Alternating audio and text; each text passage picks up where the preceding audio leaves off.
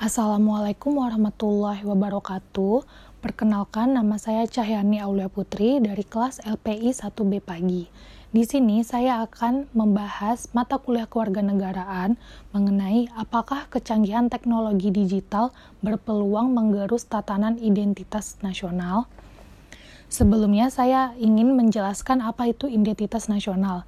Identitas nasional adalah suatu ciri yang dimiliki sebuah bangsa secara fisiologi yang membedakan bangsa tersebut dengan bangsa yang lain.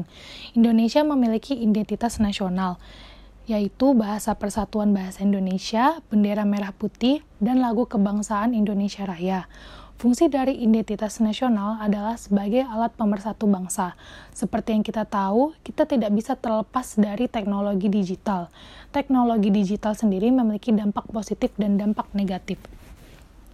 Dampak positifnya ialah kita dapat mengakses ilmu pengetahuan yang dapat meningkatkan pola pikir masyarakat.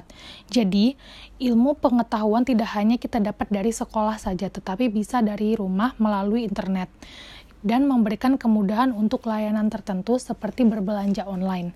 Adapun dampak negatifnya ialah masyarakat Indonesia cenderung berpikir secara individualis, tidak memikirkan orang lain dan mementingkan diri sendiri saja mengikuti budaya kebarat-baratan, melakukan pergaulan bebas, dan adanya budaya konsumtif.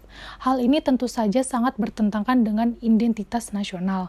Kesimpulannya, karena dampak negatif lebih mendominan, kecanggihan teknologi digital dapat menggerus identitas nasional.